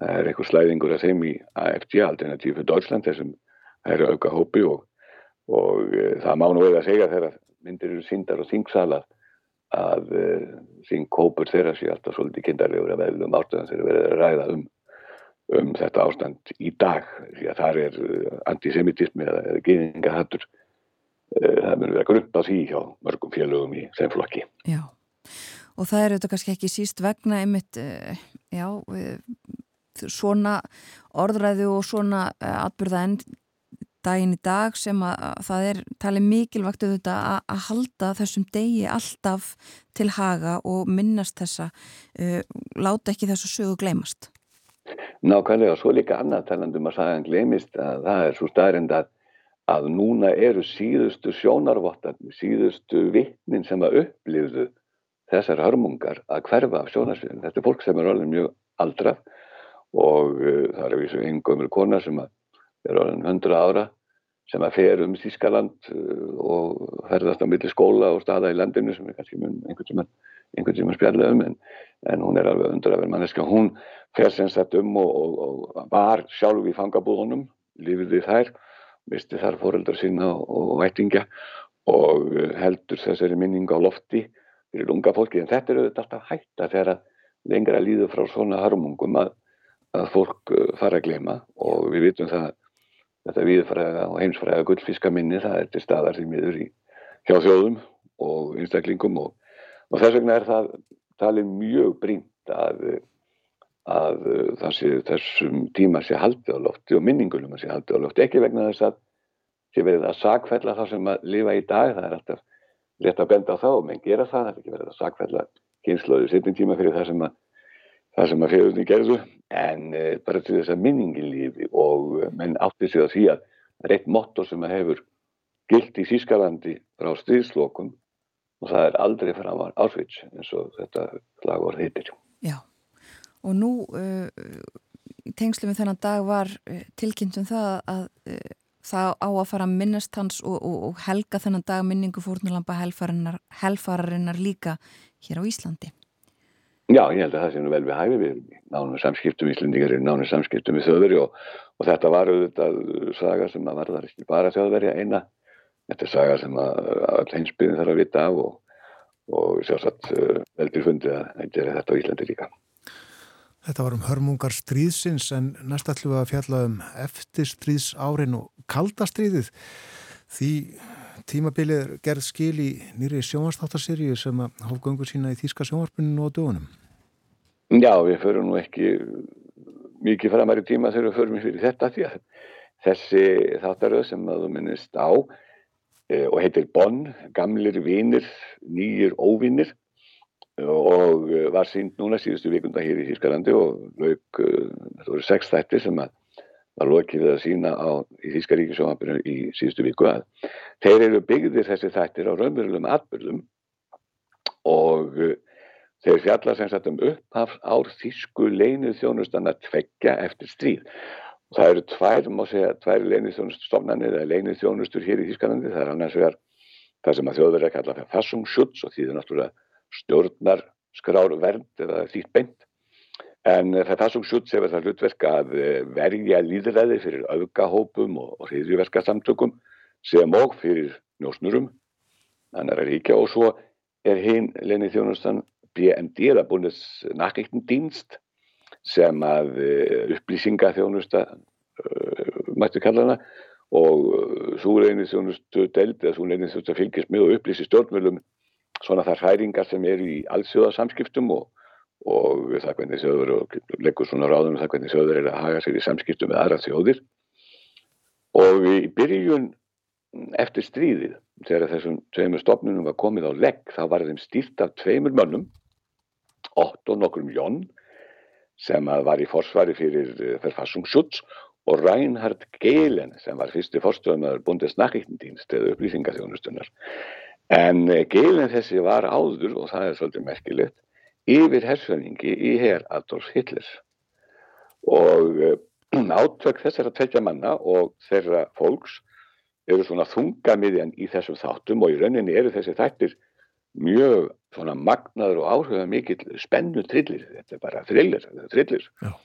og til þess að skapa svona hvernig það gera fólkið, gerði þá leikstöður til að skapa svona enn magnari stemningu í þáttunum að þá leta hann unga konu koma, síska konu koma frá Breitlandi þar sem fólkið hennar hafi verið í útleif og hún er látið gegna líkil hlutu ekki í þáttunum, þetta er svona svona eins og ugla í atónstöðinni þannig að það sé alveg sambarilegt Þetta er Haldur Lagnars sem kemur svona og flækist inn í inn í, inn í svona yfir, inn hjá yfirvaldinu og hún fer að, að vinna sem tólkur hjá gamla nazistafóringanum Gilin en er í hjartanu í rauninni hlið Holl Otto Jóns sem að, e, er anstæðingur hans og er að reyna að upprætta síðustu leifatar af nazismannum sem að ennþá lifa góðu lífi í landinu á þessum tíma og meðal annars kemur þetta fram að þetta er allt sannsögur þetta að þarna var hópur gamla nazista að undirbúa vopnaða uppreist bara valda ránfænlega og uh, svo er það sem að mér fannst nú sjálfum þegar ég horfði á þess að þætti kannski svona magnaðast að sjá að það var hvernig bandaríkjumenn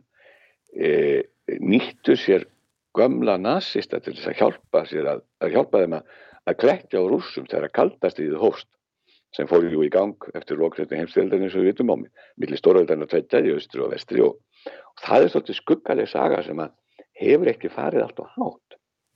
Og e, þess vegna er þessi þátt uh, svona mjög áhugaverðir leikni þættir en, eins og segi sannsögulegar heimildir og mjög öllum nöfnin eru uh, rétt nöfna þessum leittóðum þessara stopnana og svo fannir og, og uh, en þetta pólitíska ástand þetta undarlega pólitíska ástand sem að ríkti hérna í Þískalandi um það leiti sem að þessi Þísku ríkinn tvö sem að voru þá mynduð, alþjóðlífildið og sambandslífildið voru svona að stýta barskónum. Eh, um, það, um þann tíma fjallar þessi, fjallar þessi þættir og þarna voru að gera þessi gruggugir atbyrðu sem að sem að eru teknið fyrir mjög, mjög á mjög átfjömikið hátir um þáttum og, og bregða mjög svona undarlegu eða svona hurðulegu ljósi á, á þessi átök sem áttur sér stað á milli stórveldan á baka tjöldin eftir að vopnin sögnuði í lóksetti heimstíðaldarinnar og sérstaklega aðtiklisverk að bandaríkjumenn voru voru gríðarlega sko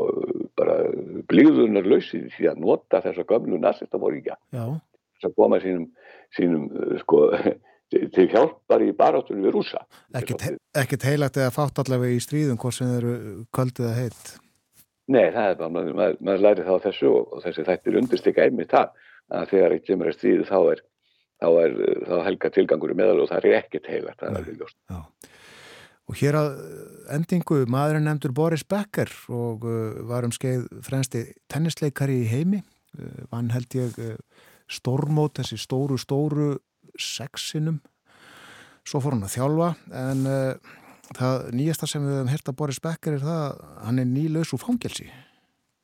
Já, ég held að sé að háa málum sem segir margu verður að öðrum abbi og uh, hann egnaðist gríðarlega mikið fjö, Boris Becker og var afskaplega efnaður á þessum heimsmeistaratillum sínum.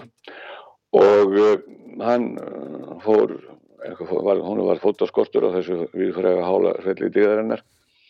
Því að um, hann uh, lendi sem sagt fyrst í miklum fjármólaþenging og það var nú eitthvað svindlar á hann breyskinu líka. Og, og menn voru í kringum hann sem voru alveg heðalegir en hann fór í gjaldþrótt fyrir nokkrum árum og, og þegar að, sagt, allt hans bú og allar hans eigni voru teknið til gjaldþrótt að skipta þá tóst honum að koma, komast, koma undan rúmulega einni miljón evra og það komst upp og hann var búsettur í Breitlandi síðust árin og og fyrir bræðið var hann dægin fyrir dóm og dæmdur í tveggja og hálfsvarsfangelsi e, í fyrra Já. Nú en, en svo er það sett lög sem gildi Breitlandi skilsmið sem er gerður af fyrir því að setja að reka erlenda afbrótamenn til síns heimalands uh, áður en þeir hafa afhjúpað dómin eða svo byrjundir og hún var sleppt úr haldi eftir bara átta mánuði núna fyrir jólinn og það þóttu þetta mörgum aðdáðandu þessar á getur tennistjörnu ánægulegt að góðið þeirra stildi hafa fengið að koma aftur til síns heimalands og getur nú hér um frjálstöðuströkið og hann er að fara að gera einhverja þættu um skilsmýru og verunlega í fangilsinu og skjóða bókum það og svona enda mjög frægur maður og e, í fangilsinu og það er svolítið aðtilfrætt og stakka það því að vera sjá spjallu við hann eftir hann var losnaði að, að þar komst hann í kynni við heimsbyggina og e, var það þar er einhver maður, hann var í, í fangils í London og þar var einhver maður með svona námskeið í heimsbyggi fyrir fangan og var búin að gera það hans lengi. Og þar kennir þessi ágæta maður stóusbyggi og Boris Becker heitlaðist af þessum fræðum og, og, og tala nú ekki um annað. Og þessi fræður eru rækina til, aftur til stóusbygging sem segir náttúrulega frá Kítjón sem að uh, frætti líðin í aðferð á sínum tíma. En uh, hann, Becker hefst eins og það mest af kenningum Markusar Áriljusar, keisara sem var uppi á annara öld og frægur stofurspeggingu líka. Og e, þó við förum kannski ekki nánar út í hans fræði þá er nú svo að, að það er út af fyrir sími aðtilsrætt og kannski eftir nú fangilsins yfirvöld í öðrum löndum að huga þessu. að, að því mennur alltaf að tala um að það er betra fólk í fangilsunum þetta séu sem miður ofta ekki betur en á stofnarnu heldur bara að gera fólk en það verða eins og oft er sagt. En e, kannski heimsbygging getur hjálpað mannum og hún gerir það í, í, í þessu tilviki. Mætti kannski að fara að kenna stóðusbyggi á á hérna holmseðinni, hver veit, nema hvað að, að hann sko aðhildist þessi fræði sem, eða þessum fræðum þar sem að meðan hans er kent að, að, að við mennir lífum að einbett okkur að því í þessu lífi okkar sem við getum haft áhrif á og höfum valdi yfir en að losa okkur við allar áhildur að segja sí í lífinu sem að ekki er okkar valdi að breyta og hakka við. Og um, þetta er náttúrulega kannski eitthvað sem að ekki bara bekki getur lært af og, og hérna heldur líka, heldur líka margir aðrir. Og það er svona mikið til vístómur í þessari þessu aðruleysi e, stóðsbyggina sem að eflust e, getur komið mörgundur góða, ekki síst sem að, sem að þurfa að vera betri menn eftir að hafa áriði fótaskostur og á dýðarinnar svellið eins og það segir. Virkilega eftirsóknarvert ástand að komast í og þetta segja það. Þakkaði kellega fyrir í dag, Artur Björgum Bollarsson. Takk sem er leiðis. Og uh, af því að við nefndum eða hann, eh, þessi mál hér í lokin að eh, hún var bara að koma út í morgun held ég, eh, skýstla eða, eða allavega að krafa Amnesty International um að, um að teki verði til í fangilsesmálum á Íslandi. Það er lagt að íslenskum stjórnvöldum að standa við skuldbendingar sínar á sviði mannrettinda og meðal annars að setja í forgang að bannað verði að börn sæti einangrun í gæsluvaraldi og lesaðum þetta á rú.is Já. Og Í byrjun spjálsins við Artur Björgun rættum við um uh, þennan árlega minningardag, uh, minningu fórnarlampa helfararinnar og uh, myndist á það þá að taka þessi mál upp hér á Íslandi. Forsætisráð þeirra, auðaríkisráð þeirra og menta og barnamálaráð þeirra hafa sammælst um að hefja vinnu til að móta leiðir sem farnar verða í þessu augnamiði hér á landi. Segjum kannski nánar frá þessu síðar en uh, það líður að yfirleiti morgun frétta það kemur frá fréttastofunni eftir tæpar 5 mínútur og því loknu þá ætlum við uh, að ringja í Mýrdalinn þar er Elin Einarstóttir hún er skólastjóri Víkurskóla. Uh, ætlum að spjalla við hann um veðrið sjáum hvort að það hefur tekist að koma krokkunum í skólan í dag eða hvort að það verður gert síðar.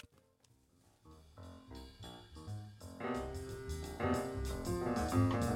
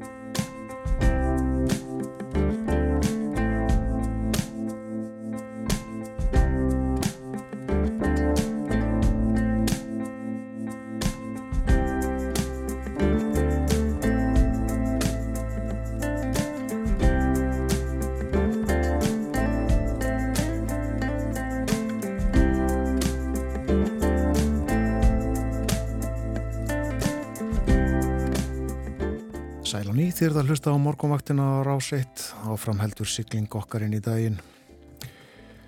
Er meðbyr hér en uh, stórsjór líklega sumstaðar svona eins og, eins og uh, veðulýsingin er allavega hana. Já, uh, en þá í gildi einhverjar appelsínugular viðvaranir.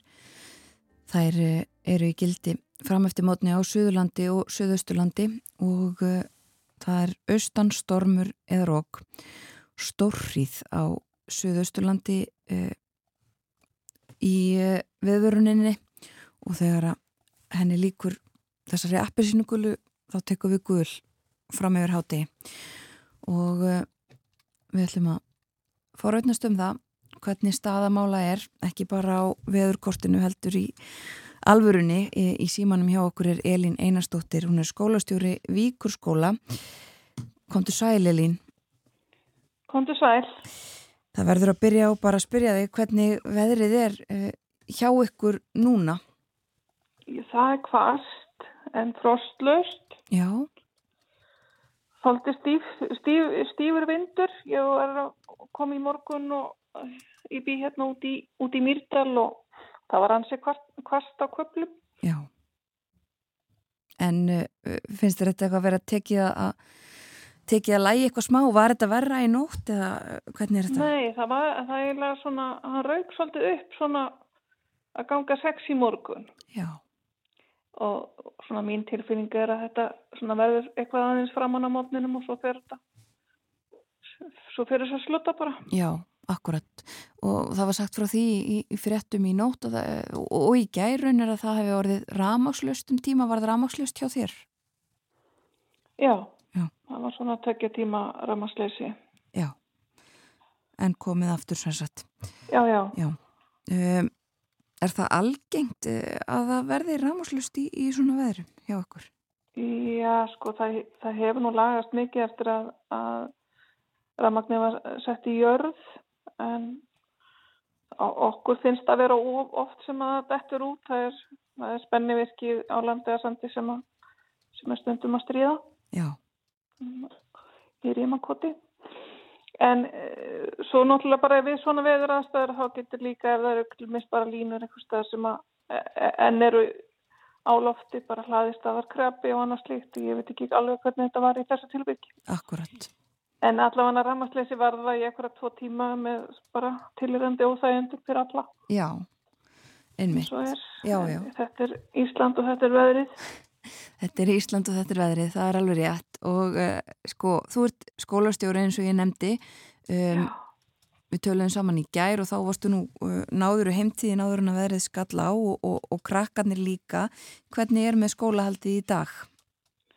Já, það er skólastarf en við erum ekki við kerðum skólabíl skólabílinn fór ekki að stað í morgun. Við fæltum niður skólahagsturinn í gær og svo rættum við saman alveg í bítið í morgun ég og skólabílsturinn okkur og okkur kom saman um að að sjá aðeins til og endur skoða núna svona rétt fyrir nýju hvað við ætlum að gera.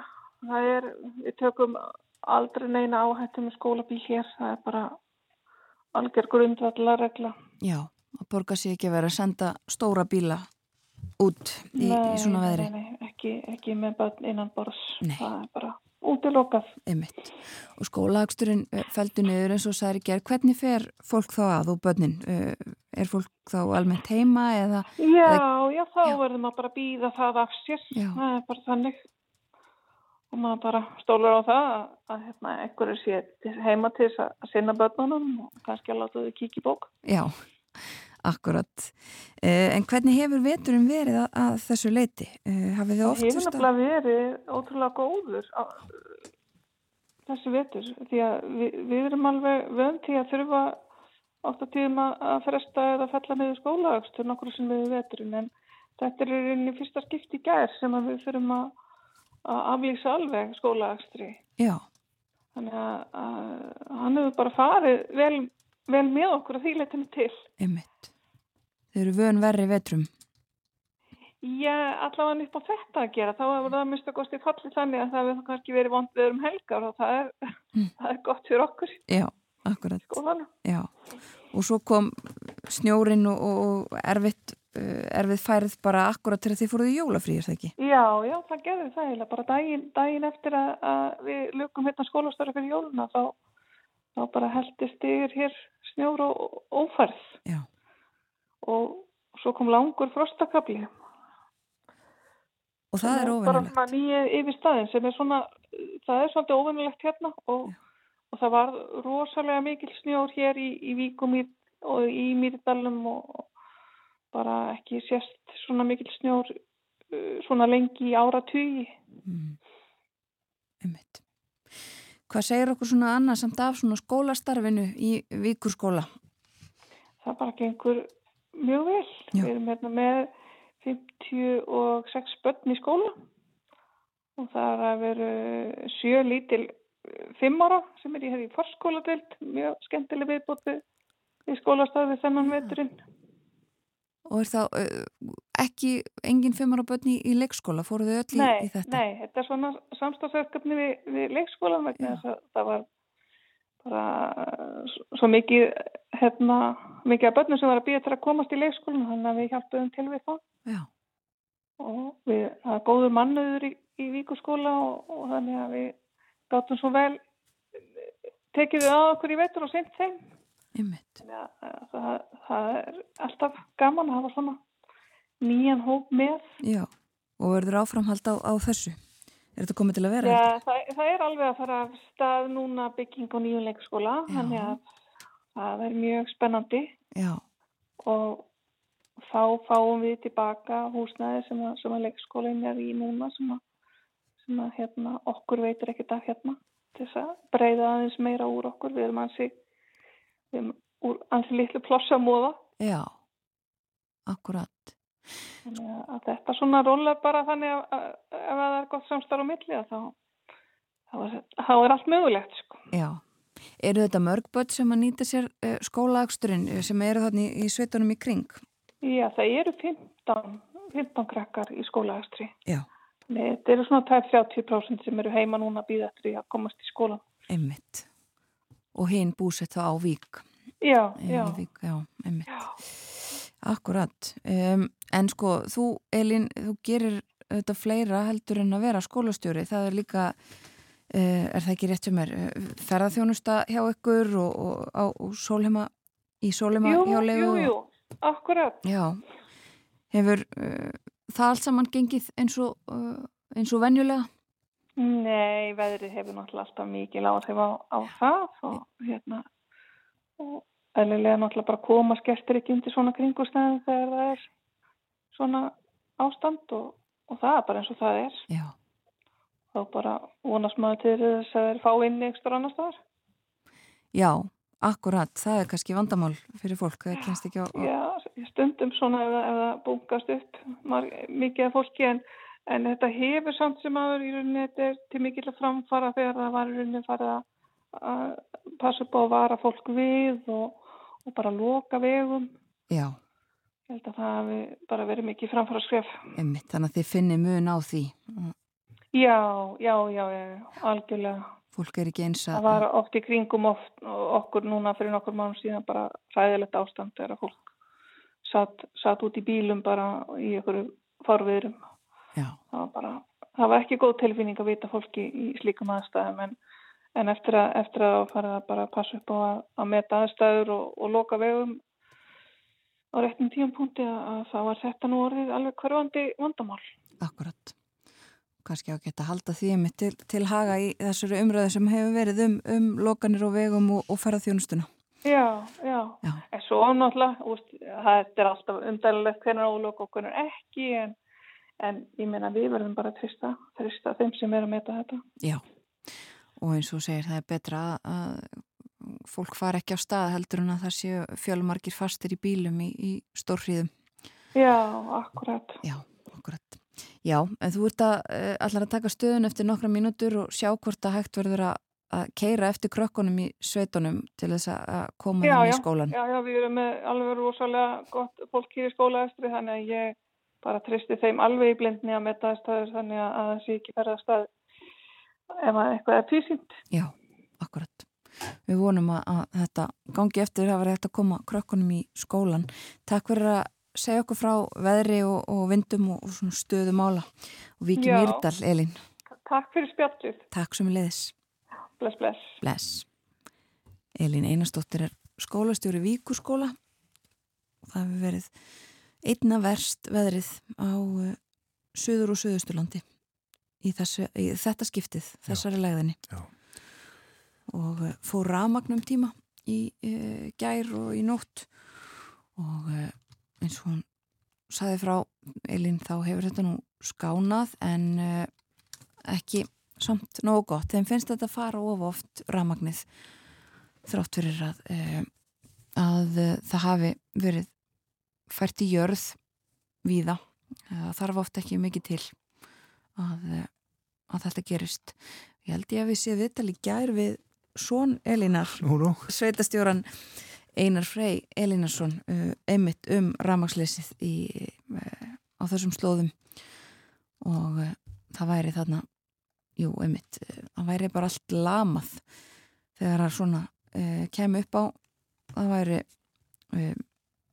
mjög algengt vandamál algjörlega fáranlegt saðan. Hér erum við með hundruð og líklega þúsundir ferðamanna og svo er allt lamað hérna. Eldúsun orðin rafmagslaus og það verður kallt á hótelum og gisti heimilum. Ekki gott. Það er ekki kræsilegt færðarkorti á vegagerðinni núna í morgunsárið. Nei, uh, þetta fína færðarkort sem við tölum reglulega um og það þykir ennþá flott. Það er rétt, það er, það er mikið raukt sem þýðir ófært. og mörg bannmerki sem eru sínileg. Öksnandalsheiðin til dæmis lokuð, ég held að ég aðtuga með móktu þar klukkan tíu. Uh, það er hægt að komast yfir holtavöruðiðina og uh, mér sýnist uh, 16 bílar hafa farið þar yfir frá miðnætti og aðstæður ekki góðar og eins og við segjum margir vegir lokaðir. En allt stendur þetta til bóta, verið er að batna. Veðrið er að batna, það eru þessar appilsinu gulu viðvaranir sem eru í gildi á Suðurlandi og Suðausturlandi og gular viðvaranir á Faxaflóa, Vestfjörðum, Suðausturlandi og mið Hálendinu og uh, þessar appilsinu gulu þær falla úr gildi klukkan nýju á Suðausturlandi og tíu á Suðurlandi. Þá tekur raunar gul viðvarum við á Suðausturlandi en uh, svo falla þær úr gildi svona um og eftir hádegi í dag Já. en eins og við töluðum um uh, fyrr í morgun að þá uh, þó að það lægi setnipartin og verði hægleiti sviður viðast hver á morgun að þá uh, bætir í vindin aftur annarkvöld næsta lægð nálgast landið þá miðvíkdagskvöld og lítur út fyrir austan kvassviðri eða storm og úrkomi viðum landa 50 dag Takk fyrir það. Tökum upp léttara hjál. Það er 30. og 1. janúar í dag, eh, janúar að ljúka og þar með útsölunum sem hafa staðið meirið að minna allan mánuðin. Sáum í blöðunum uh, útsölu lok, bóðuð risa, útsala lokavikan, segir í Ulsingu í morgunblæðinu, útsala lokavikan, útsölu lok og uh, sama er að sjá og finna í fréttablaðinu alvöru útsala síðustu dagar útsölunni líkur á sundaginn og svo áfram og áfram og áfram. Dætt í huga ganni að aðtuga og finna til útsölu auglýsingar frá því gamla daga, gamla gamla daga. Og uh, tek hér fyrst fram blað frá 1889 stór útsala er auglýst. Og þetta var útsala sem að hóst í ágúst og stóði eitthvað fram í september. Vörur verða seldar í glaskóhúsinu, ímsar eldri vörur, sumpart gengnar úr móð og með niðursettu verði. Og svo voru auglýst sérstaklega kallmanna stígvel og dömu skófatnaður, skóhlífar, harðir hattar, ímsar restir af góðum varningi. Svona auglýsti Verslun, kaupmaður uh, í Reykjavík. Uh, Stórútsala í dag og næstu vikur í kirkjustræti nr. 2 á alls konar karlmannsfatnaði, sjölum, klútum, silki, rekkápum, lérefti, húfum og ímsum öðrum mjög fágætum vörum. Allt selt með svo óheyrilega lágu verði að vart eru dæmi til slíks. Komið í tíma því aðsóknin er þegar orðin mjög mikil. Slíkt tækifæri býðst máski ekki aftur fyrstum sinn. Svona var auðlist 1896 og 1898 ennþá óheirt tilbúð. Frá þessum degi og næstu daga sel ég alls konar vefnaðavöru sem ég hef enn óseldar með innköpsverði. Þetta tækifæri ættum enn að nota því að slíkt býðst hér sjaldan þar sem vörurnar eru bæði góðar og óheirt ódýrar. Komið og skoðið, það kostar ekkert. Svona auðlisti Holger Klausen. Og uh, mars 1900 stórútsala reynsunarsala byrjar í Vestlunni Edinborg 12. þessa mánuðar og verður það selt alls konar kram og vefnaða vara með mjög niðursettu verði. Þetta er gert til að gera rúm fyrir nýju vörurnar sem koma með vorinu. Útsalan stendur aðeins yfir í þrjára vikur og verða þá þessar vörur settar upp aftur í sitt upprunalega verð. Noti tækifæri með að það býðist þetta er kostabóð og mun kaupandanum hagnaðar meira að vestla á þennan hátt en að kaupa með uppskrúuðu verði á uppbóðum. Ásker Sigursson auðlisti. Og svo er hérna önnur auðlising úr uh, Edinborg sem var aldrei stór vestlun á sínum tíma. Vestlunar megin regla, þetta var svona bóðorð Edinborgar. Lítill ágóði, fljót skil. Og þarna var hægt að fá alls konar vörur, uh, jarðabærja sultutau og hindberja sultutau og síkarettur og síkarettupapir og uh, ekta ljáblöð voru líka á bóðstólnum sem á niðursið svoðið kjött, lags og humar. Og uh, þakjárnið orðlagða fyrir verð og gæði hverki ódýrara nýja betra baðmeðal. Og Harrisons prjónavílarnar voru einn til bóða stóði einn til bóða þarna í Edinborg hjá Áskeri Sigursinni og uh, svo auðvistan sveitamenn finnið mig áður en þér festið kaup annar staðar. Það mun borga sig. Já. blöðinn frá uh, aldamótunum 1900 og árunum þar á undan. Já, og við töluðum með mitt um útsöluðnar fyrir morgun þegar Þorðusnar Júliusson var hérna hjá okkur. Venjulega er það þannig að þær eh, lækka verðbólkuna í janúars eh, það var ekki svo leiðis núna. Nei, eða það er að ekki... segja að þær höfðu kannski áhrif til lækkunar en uh, máttu sín lítilskakvart hækkunum á öðrum stöðum. Já, þessum uh, hækkunum sem að fylgdu fjárlagafrjóðarpinu fyrir árið í ár. Já, uh, bílar hafa hækkað einna mest í verði hafa mikil áhrif á þetta. Og brennivinnið. Brennivinnið og tópakið. en fleira tengt efnagasmálunum við fjöldluðum líkum verkfalls aðgerðir bóðaðar, eblingar sem voru samþygtar í gerðkvöldi var tilkynntum það að verkvælsbúðunin hefur verið samþygt í atkvæðagreyslu sögðan líka frá því og, og það hefur komið fram að þessi máli eru fyrir hérastómi, það er að segja þessi miðlunartillaga sem að ríkisáttasemjari uh, vil láta kjósa um og ætlar að láta kjósa um. Ebling hefur neitað að aðfenda kjörskrána sína og það er sem sagt fyrir hérastómi Ebling hefur lagt fram stjórnsíslu kæru á hendur ríkisáttasemjara og nú í morgun þá uh, var tilkynnt að samtök atvinnulífsins þau ætla að fara með uh, verkvælsbóðununa fyrir félagstóm. Já, telja ekki rétt að vera staðið að henni?